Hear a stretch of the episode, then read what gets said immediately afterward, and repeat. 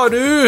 Eh, jeg er såpass påvirket av eh, ukas gjest i Sidequest, som kommer fra det blide Vestland. Det smilende Vestland. Eh, og det mener jeg det er nødt til å være Norges mest positive landsdel. For når det er så mye regn, og man fortsatt klarer å være glad, da er tenker jeg at man har da er det imponerende. Da er man født med en på en måte iboende positivitet. Så hjertelig velkommen til deg nok en gang, nok en uke. Elisabeth Sivertsen, bedre kjent som Arevia. Er det riktig uttalelse? Arevia? Arevia? Ja, det, det er et oppdikta navn.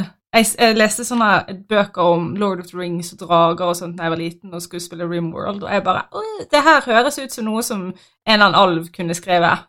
Så derfor så ble det navnet mitt. Og det har holdt med meg siden jeg var hva, 14 eller noe sånt. Så mm, Twitch.tv slash Arevia, A-R-E-V-Y-A, for de som A-R-E-V Var det riktig? A-R-E-V-Y-A, ja.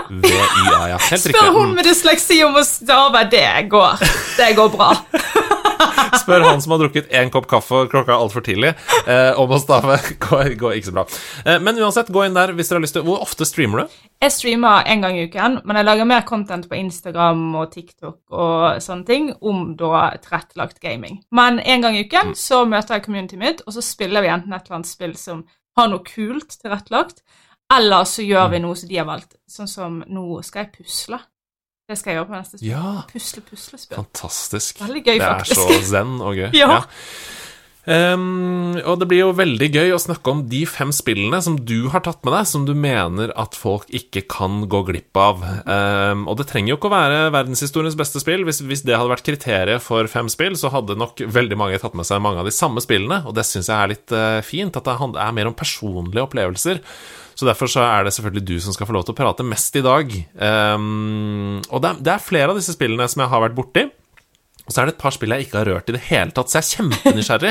Jeg gleder meg til å høre mer om dem. Og det første spillet vi skal snakke om i dag Uff, det er Jeg blir eh, Jeg får klump i halsen av å bare lese tittelen. Det er et så viktig spill for meg. Jeg gråt så mange ganger Ja. da jeg spilte det spillet, bare fordi jeg er skrudd sammen sånn at hvis musikk eh, trykker på Eller eh, spiller på de rette strengene, i dobbel betydning, så eh, knekker jeg helt, altså. Eh, I begravelser, hvis det er en dyktig saksofonist som spiller Air av Bach, eksempel, så er det helt eh, umulig for meg å holde tilbake tårene. Og når det visuelle er så magisk i tillegg, når gameplayet er nesten perfekt, så er det umulig å ikke la seg rive med. Det er selvfølgelig JRPG-spillet Nino Kuni.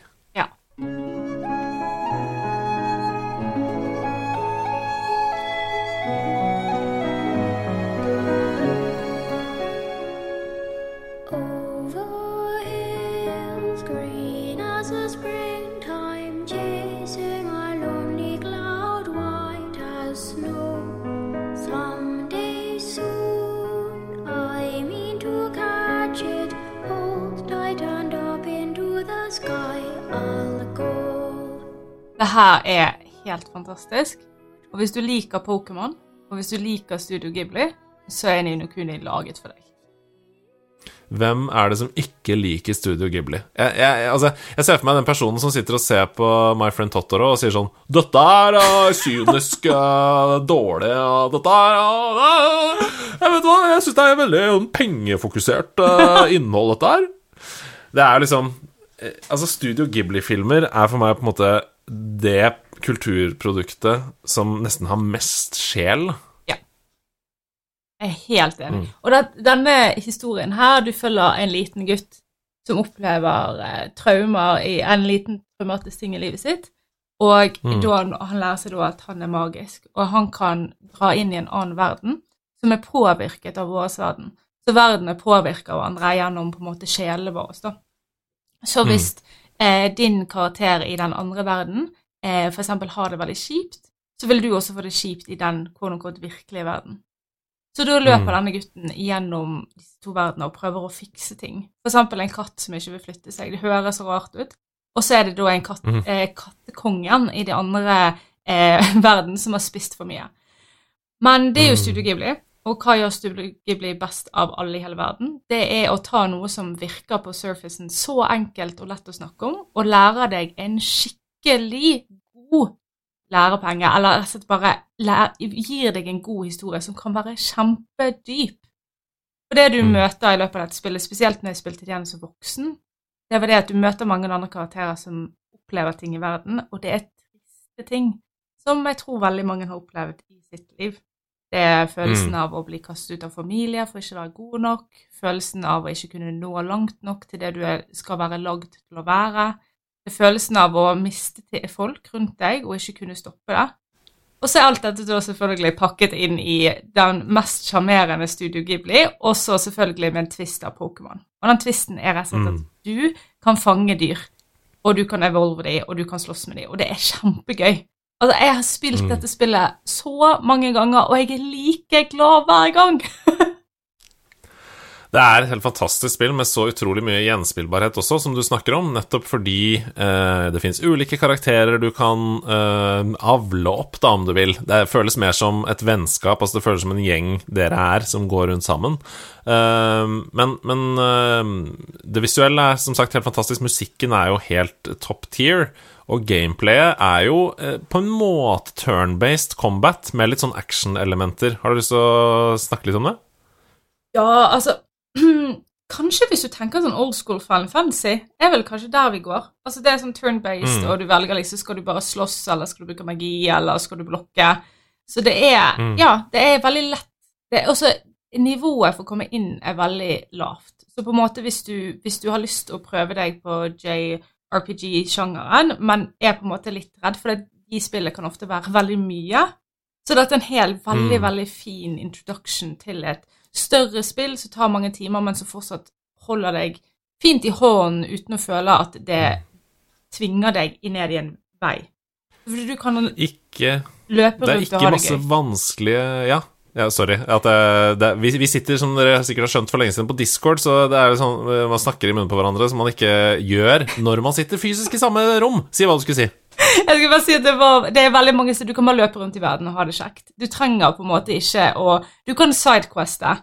Å, vi fikk inn tittel på, på showet. Det er sånn det skal være. Hey! Nei, men du kan sidequeste så mye du bare vil, og det er trophy hunting, og det er liksom alle disse småtingene som gjør at du kan spille på din måte.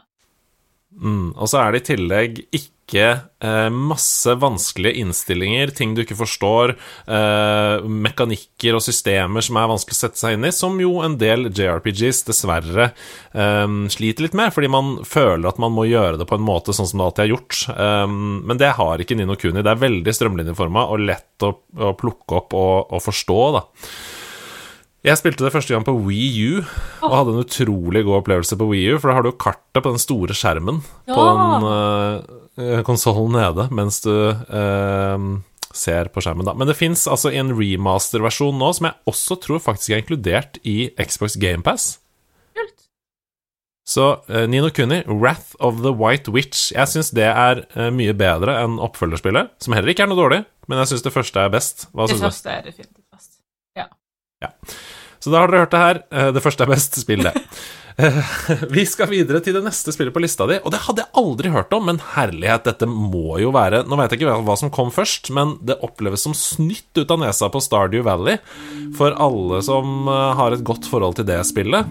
Dette er Graveyard Keeper.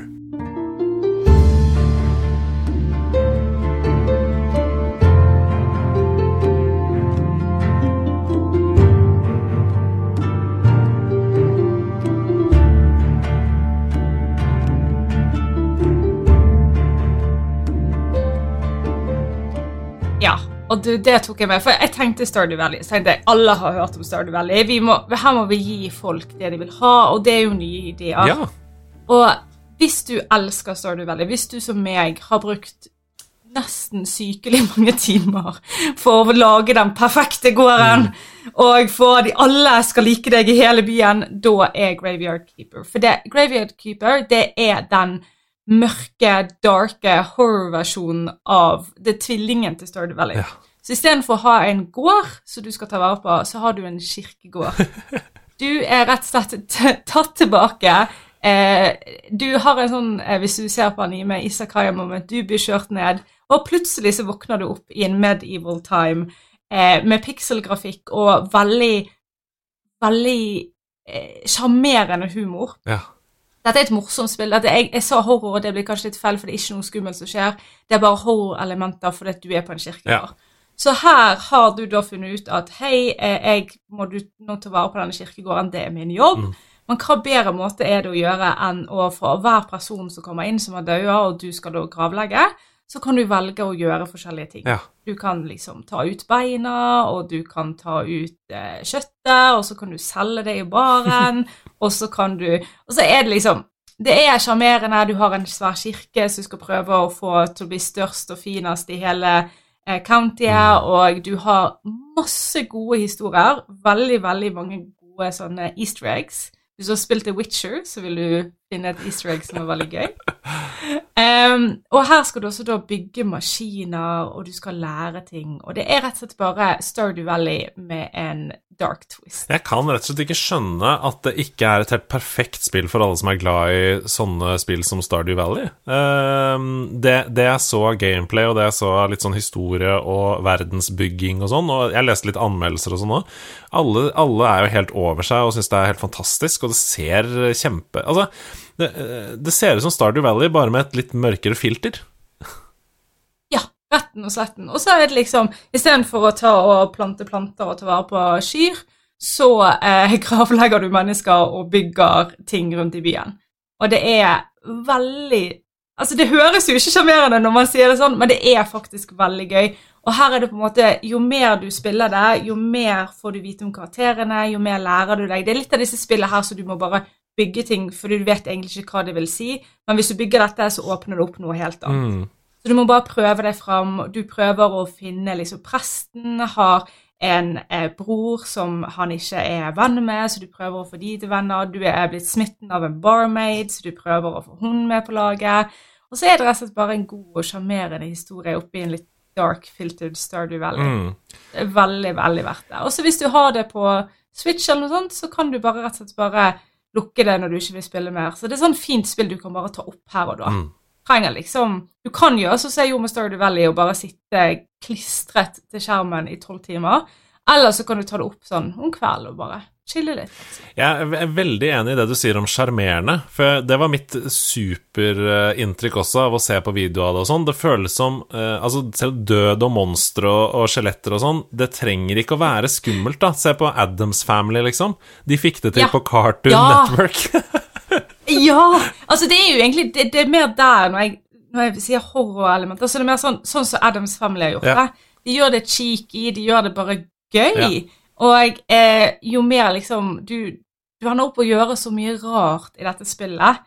Um, og historiene er bra tvistet sammen. Og nei, det er virkelig verdt å sjekke det ut. Må kjapt bare snakke litt om For det er noen sånne dungeon runs der også, hvor du må inn og liksom uh, ta livet av noen sånne grønne, Gud, grønne slimting og sånn. Gud, det hadde jeg glemt! Ja, det er jo kjempegøy. Du har jo selvfølgelig Mine, som du har i Stardew Valley også. Det har jo du her. Ja. Åh, gud, det hadde jeg glemt. Ja, bra jeg så på det gameplay-video før vi begynte. ja. Nei, det er veldig gøy. Det er mye du kan gjøre, og du kan gjøre det på din måte. Og eh, ukene går I forhold til Stardew Valley, en av de tingene som jeg vet folk ikke liker så veldig godt, er jo det at du har disse to årene Mm. for å få ting til. Så noen kan bli litt stressa. Men det Graveyard Keeper har gjort, er at de har en uke. Mm. Og den uken går selvfølgelig sånn som uka går, tro det eller ei. Eh, og eh, du kan snakke med folk på visse dager. Ja. Eh, så folk kommer inn til byen på visse dager. Så du må bare nå dem. Men hvis du mister dem, så er det bare til å vente til uken etterpå. Mm. Og det er liksom ikke noen så stor konsekvens. Tidspresset som en del kan føle på Stardew Valley, det får du ikke i Graveyard Keeper på samme måte. Fantastisk. En nydelig pitch. Jeg er sikker på at veldig mange som koser seg med Stardew Valley, nå har fått seg et nytt eh, spill å hygge seg med denne sommeren. Vi skal videre til et annet spill som eh, for noen er skummelt skikkelig på ekte. Eh, her er det ikke Ja. bare cheeky og sjarmerende, her er det skummelt helt på ekte. Og det handler om følelsen av å være veldig, veldig liten i en stor, stor og skummel, skremmende verden, der til og med maur og edderkopper oppleves som de største truslene du har møtt. Og det er selvfølgelig grounded.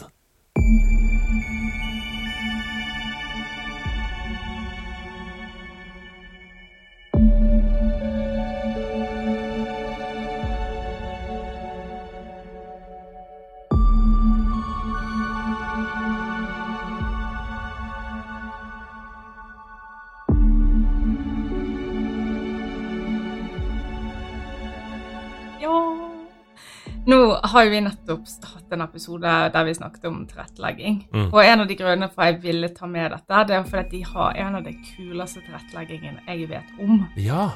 Og det er det. For Grounded eh, Hvis du er litt på min alder, så har du kanskje hørt om eh, eh, filmen 'Honey, I Shrunk the Kids'. Mhm. Og det er samme konseptet. Ja. Du våkner opp en dag midt ute i hagen din, og rundt deg er bare svære gresstrå som er fire ganger så høy som deg. Mhm. Og da selvfølgelig også med det litt skumlere som kommer i, eh, i verden i bakhagen din, og det er da maur og lus og edderkopper. Ja. Så du skal da på en måte prøve å finne en måte å bli stor igjen, med å løpe rundt og eh, gjøre små quest. Og det du finner ut, er at du nesten finner sånn alien bases rundt om, eh, så du må på en måte låse opp og finne ut av. Og dette er veldig sjarmerende, og du går rundt og du kan fighte, og du kan få armor, og du kan bygge armor og sånne ting. Men jeg vet jo det at veldig mange som kanskje hører på, misliker edderkopper. Det er den, tror jeg vi er mange som er enige med det. Edderkopper er lite kult når de er i nærheten av deg, spesielt når de løper etter deg og er fem ganger større enn deg. Så Grounded har rett og slett sagt at hvis det der var virkelig liksom er bare nope, nå vil jeg ikke spille, ta det med ro. Alle edderkopper kan gjøres om til marshmallows. Mhm. Det er retten og sletten en skala i dette spillet som sier fra null marshmallows til ti marshmallows, og der kan du bare slide opp hvor mye vil du at edderkoppen skal være marshmallows. Han løper fortsatt etter deg, han eh, skader deg fortsatt hvis han tar deg, men det er litt mindre eh, gale å bli løpt etter noe som ligner på det sånn Michelin-man, er det det den heter? Den Ja, ja, ja, ja, ja. Enn det jo en edderkopp, da. Ja. Nei, det er jeg helt enig i. Uh, dette spillet virker for meg som det ultimate spillet å spille sammen med venner. At det er liksom Det er en mye bedre opplevelse å spille co-op enn det er å spille alene. Ja, og så er jo det så For det er så gøy. Altså, jeg har sittet og spilt dette her på stream eller på Discord, Mm. og det er så gøy, for du, plutselig så får du se hele verden i en helt ny form. Og så jeg så Jeg ble med most av et blåbær. Jeg tror ikke jeg har ledd så mye den uken som jeg noen gang har. Når du hører bare Og der bare så blir du smasha av et blåbær. Altså, det var Det var Ja.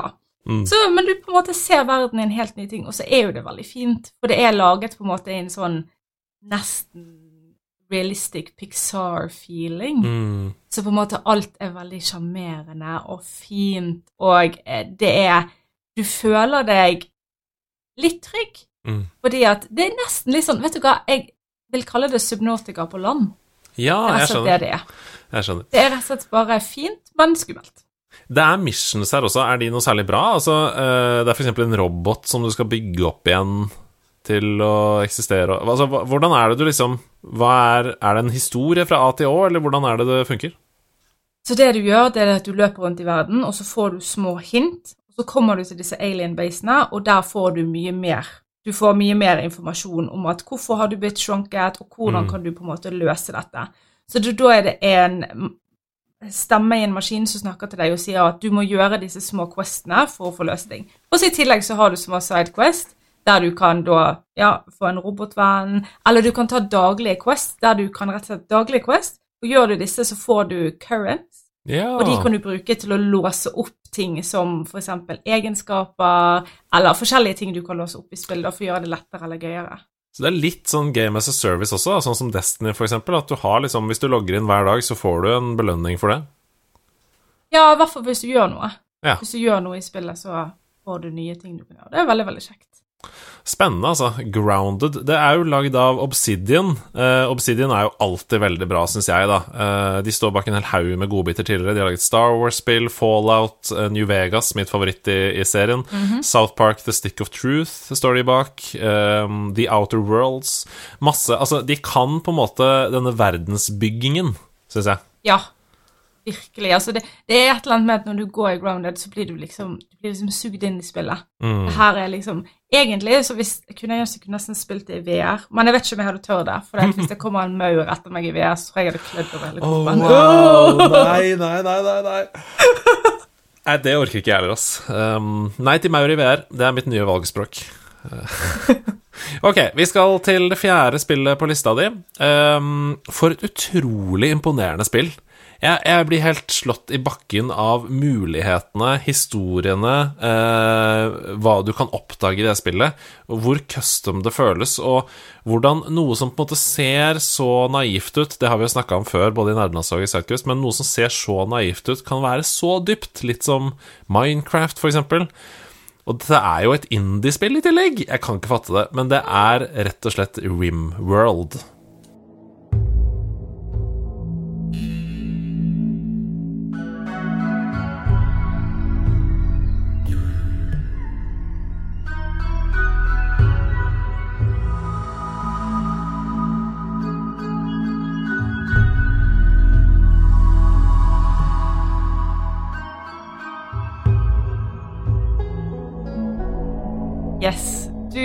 Reiser rundt på et Starship. Plutselig så kolliderer du, og du og dine to andre crewmate ender opp på en verden av aliens. Eh, den er Du kan velge sjøl hvor på denne planeten du vil lande. Mm. Eh, og det gjør det så vanskelig og lett du kan tenke deg. For her må du slåss mot naturkreftene, folk som vil raide deg, eh, aliens, ting som kan komme inn i basen din. Alt gjort mens du ser ovenifra og ned. Mm. Hvis vi har noen kanskje av den litt eldre garde, så husker de Dwarf Forest. Ja. Og det her er en liten versjon av Dwarf Forest. Istedenfor å være 3D at du kan gå ned opp, så er alt på én plate. Det er så gøy. Og det er så sjarmerende, for du har disse små karakterene dine som løper rundt og gjør ting, og så kan du sitte opp sånn. Ja, OK, du, du er den som skal hogge ned trær, du er den som skal bygge og sånne ting. Så uh, oxy Oxygen Not Included, det er i den sjangeren der. Mm. Uh, du har rett og slett, så du kolonibygger. Så du bygger opp en koloni med defense og alt mulig, og målet ditt er jo selvfølgelig å komme deg av denne planeten igjen. Mm. Men hvordan du skal greie det, det er egentlig helt opp til spilleren. Det Mm. er Vil du gjøre dette her gjennom å eh, raide andre og få tak i ressurser på den måten? Vil du leke at du er dverg og bare liksom være inne i liksom Dwarf Forest, liksom inne i eh, fjellet? Mm. og hakke av gårde og finne mineraler på den måten? Eller vil du f.eks. lande i en trope der det er kanskje mye sykdom, men også mye dyr og mye trær? Mm. Eller vil du gjøre det helt ekstreme og velge å eh, lande midt oppe på Antarktis, eller hva den tilsvarer i denne verden, og rett og slett bare ta livet av alt som kommer inn på mappen din, og prøve å overleve mens du sitter i en liten høtt? Det, du kan gjøre alt du kan tenke deg. Det er så kjekt. Mm. Og det her kan jeg sitte i timevis og spille. Ja, ja, ja. For det det- her er strategy møter basebuilding, og det åh, det er det Det beste. var akkurat det jeg skulle si. Dette er jo et strategibasert basebyggespill, skulle jeg si, og så sa du det samme. Eh, Og det er jo sånn eh, nesten uendelig spillbart, fordi du kan eh, Ja, altså Enten så kan du bygge en base som har funka for deg tidligere, på samme måte, sånn som man gjorde i liksom Tiberian Sun, Red Alert og sånn, eh, fordi man liker å spille på én bestemt måte, eller så kan man utforske mulighetene og grave og være nysgjerrig og finne ut av ting. Men det som gjør dette litt unikt, det er jo at ut fra hva jeg har sett av gameplay og videoer og anmeldelser og sånn, så kan du kan jo finne små historier her. Altså, du kan jo møte karakterer som sier ting til deg eh, rundt i denne verden, eh, som hjelp, ønsker å ha, få hjelp med å løse et problem, eller du kan til og med bli romansa. Eh, det kan være utroskap, masse greier, i et liksom strategi-basebyggerspill. Og det er det som det gjør det så mye gøyere. Fordi at du eh, Hvis du da også har litt DLC-er, så kan du ta inn religion eller kultur. Og det kan være Og da snakker vi om du kan lage din helt egne. Mm. Du kan enten lage noe som du kjenner fra virkelig verden, eller du kan bare si, vet du hva, hver eh, fjerde dag så skal vi ha full fest og danse ut i skogen, og det skal være vår religion. Ja. Og du kan bare gjøre akkurat som du vil. Eh, Du kan bli royalty. Så du kan rett og slett komme deg ut av denne verden med å rett og slett være så royal at folk bare bygger denne raketten for deg og sender deg ut igjen i, i verdensrommet. Wow. Eller du kan ta animals og få den største gården du kan tenke deg, og bare selge ting. Sånn at du kan kjøpe deg det du trenger. Og alt dette er da med en veldig nifty, veldig bra laget AI eller robot som sitter og velger når ting skal skje. Når skal det komme en raid, når skal det komme sykdom, når skal det komme Ja. en tornado. Det er så sjarmerende. Det er så Altså, det her er Det er Fantasien er limitasjonen din. Mm. Her kan du gjøre akkurat som du vil. Fantastisk. Jeg, jeg eh, så at, eh, som du nevnte i stad, det er jo et stort verdenskart her. Men er det andre spillere på samme map, eller er det bare AI? Det er bare AI. Du kan nok sikkert modde det til å kunne spille med flere, antar jeg, for det er alltid en eller annen fantastisk geni som har funnet ut at jeg vil spille sammen med noen. Ja. Men originalspillet er single player. Ja. det spiller du alene eh, og eh, karakterene. Men det som er litt sjarmerende, er hvis du har dine tre karakterer, så kan du finne eh, søsknene dine, eller du kan finne eh, forloven din, mannen din, i spillet. Så for eksempel, det kommer en raid, og en av de som er med i raidet, det er da partneren din, så da må du prøve å fange de. Mm. Å fange de. Og alt dette her gjort i nesten litt pixelated, eh, om det er nærmest jeg kan tenke meg å si, eh, overview-verden. Nei, kanskje ikke pixelated, men det får liksom den inntrykk av sånn simpelheten. Mm. Ja, nei, jeg blir veldig glad for å høre at det er singleplayer, ja, altså, for jeg kan bli uh, I sånne strategispill så kan jeg bli stressa når jeg vet at det er andre jeg spiller mot, fordi jeg tenker sånn Å nei, de er så flinke, og de kan mye mer, og de kommer til å spise opp alle ressursene mine før jeg i det hele tatt rekker å skjønne at denne harvesteren her gir meg ressurser. Uh, så jeg, jeg, jeg, er veldig, jeg er veldig glad for å høre at det går an liksom å ja, bruke litt tid og tenke og, og spille mot computer, da. Ok, Rimworld, for de som liker strategi. Vi skal videre til det siste spillet på lista di, og dette er jo et spill som har blitt tatt opp av gjester i nederlandslaget før. Eh, Det er, så vidt jeg vet, det er så vidt jeg vet bare Stian i redaksjonen som har spilt det, men eksempel Fark, vår komponist og musiker eh, i nederlandslaget, har et utrolig nært forhold til dette spillet. Det har Ja. til og med vært i eh, en um, Kojima-kode, tror jeg, til og med. Dette er plattformspillet Tomba.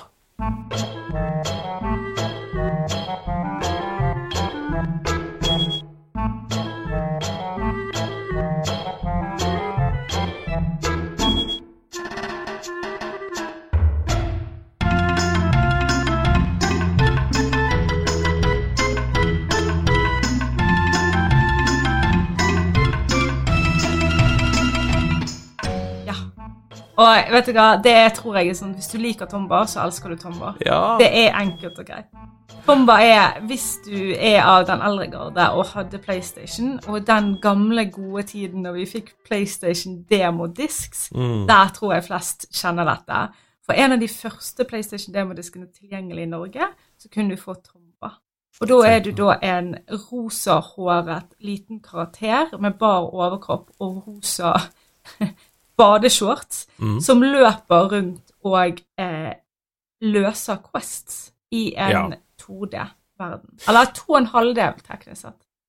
For det er jo et plattformspill, men i tillegg så er det en sånn helt unik eh, evne som Tomba har, som er at han, han kaster seg med magen først på ting. Og da enten eh, tar han livet av fiender, eller så kan han f.eks. åpne en presang, og inni den så er det en kylling som du skal finne, f.eks. Ja. Og det her er, er rett og slett bare eh, Det er så kreativt satt sammen. Mm. Så alle disse løsningene på questene du, du trenger å tenke så mye utenfor boksen, og det er det som er så gøy. Ikke rart at han likte det hvis han drev og lagde musikk, fordi at musikken er fantastisk. Historien er sjarmerende, og det finnes faktisk ingenting som Tomba. Det finnes bare Tomba. Det, Mm. det er spill som har prøvd å få det til, men alle de mangler et eller annet. Mm. Så rett og slett her er det Du starter i en verden. Du våkner opp en dag og ser at eh, de onde grisene har stjålet armbåndet til bestefaren din, Mhm. og nå må du prøve å få det tilbake. Du begynner i en veldig sånn rosa bubblegum, eh, verden, eh, der du skal eh, Du hopper på griser og biter de og kaster de av gårde. Eh, og du prøver å løse små ting. Og det du lærer etter hvert, det er at disse grisene, som heter Decoma Pigs, eh, har tatt over mange deler av verden. Ja. Så du må reise til forskjellige deler av verden og se hva er det de har gjort. De har f.eks. tatt over verden til, eh, til en veldig fin landsby som lager vin, og gjort alle de om til mus. ja. Så da må du prøve å finne hvem gris som har gjort dette, fange han inn i en bag, og dermed eh, få vekk eh, trolldommen som er over den, og gi de tilbake livet sitt sånn som det var før. Mm. Så du har en piratby som er blitt gjort, om til et horrorsted. Du har um, en by for uh, små Sånn blomstrete by, eller en skog med fullt av blomster, som har fått de Alle blomster har blitt gjort om til eh, sopp. Ja. Og så må du prøve å løse alt dette. Det høres jo for meg ut som eh, et plattformspill som tok mye større sjanser enn sine på en måte konkurrenter på den tiden. Da. Veldig mye mer imponerende med tanke på at du har faktisk missions og ulike typer verdener. Altså Hvis du, hvis du tenker på Crash Bandicoot på PlayStation 1 da, som et eksempel eh, å sammenligne med, så ja, du har på en måte noen former for quests for å finne noen hemmelige diamanter og sånn, men dette er jo i mye større grad individuelt tilpassede quests for hver verden du er i, da. Ja, og hver eneste Quest er unikt. Det Mm. er, og det er merkelig og rart, og hvordan du på en måte velger å løse det. Um, så det er et komplisert spill. Jeg greide faktisk ikke å 100 til det før jeg ble voksen. Mm. Fordi en mye jeg spilte det da jeg var barn, så var det rett og slett for mye. Å forstå at Ja, det er litt, litt sånn cheeky med at du kan lokke ut noen quests at hvis du gjør noe litt for, for tidlig, så får du ikke gjort. Du kan alltid fullføre spillet. Det syns jeg er en sjarm. De må få en tommel opp for det. For uavhengig om du har gjort to Quest eller 100 Quest, spillet kan Du kan løse spillet, du kan fullføre spillet. Men for 100% så må du greie hvert eneste Quest. Ja. Um, har det holdt seg? Er det gøy å spille i 2023? Det er jo liksom litt som å Altså, jeg er så glad i dette spillet. Det er, for meg så er det sånn hver bursdagen min går jeg på Twitch, og så spiller vi dette spillet. Oh. Hver eneste bursdag. Fordi Ja. at for meg så er dette her barndommen, dette her er tanken på at eh, frihet er bare å ha det kjekt. Så jeg har mine rosenrøde glass på meg når jeg spiller dette spillet, og mener at eh, Zelda kan aldri nå opp, jeg mener Klonoer kan aldri nå opp, jeg mener at ingenting. Og det er jo så, jeg blir så hatt når jeg sier det, for alle disse Zelda-fansene kommer og bare 'Hvordan våger du?' Hvordan våger du? Og jeg bare 'Ja, jeg vet. Jeg vet. Jeg er slem. Tomba, baby! Nei, men, uh, Yeah, let's go!' men uh, uh, hvor er det man spiller det i 2023? Kan man, er det bakoverkompatibilitet? Kan du spille det på PlayStation, liksom? eh, vi må jo nesten si at man må gjøre det litt sånn ikke så veldig grei å si, men det er emulator det går i, eller så er det eh, hvis du har lastet det ned en gang på Play PS3, men nå har jo de lukket den. Da Ja. får du tak i PlayStation 1 og 2-spill og liksom. Men har du en PlayStation 3 som går an å få tak i PlayStation 1 og 2-spill, så kan du gjøre det. Mm. Du kan spille det på en PlayStation 2 hvis du kjøper det. Dessverre så er det litt dyrt hvis du kjøper fysisk kopi, fordi det er blitt sett på som nesten litt sånn kult. Ja, kult. Ja. ja. Eh, ja. Eh, eller så er det da det gode, gamle internett. Men i disse tilfellene så mener jeg at emulator er helt uh, riktig, fordi det handler om å bevare spillhistorien. Uh, og når det ikke er mulig å få til på noen annen måte, uh, så er det jo det samme som public domain i musikk, i litteratur osv. Etter at det har gått et visst antall år, så er det offentlig eh, tilgjengelig, og alle kan eie det. Sånn som klassisk musikk fra en tid tilbake. Det, kan, det er ingen som kan tjene penger på det, fordi det er public domain. Så på et eller annet tidspunkt så må Tomba også bli public Ja! domain. Ja!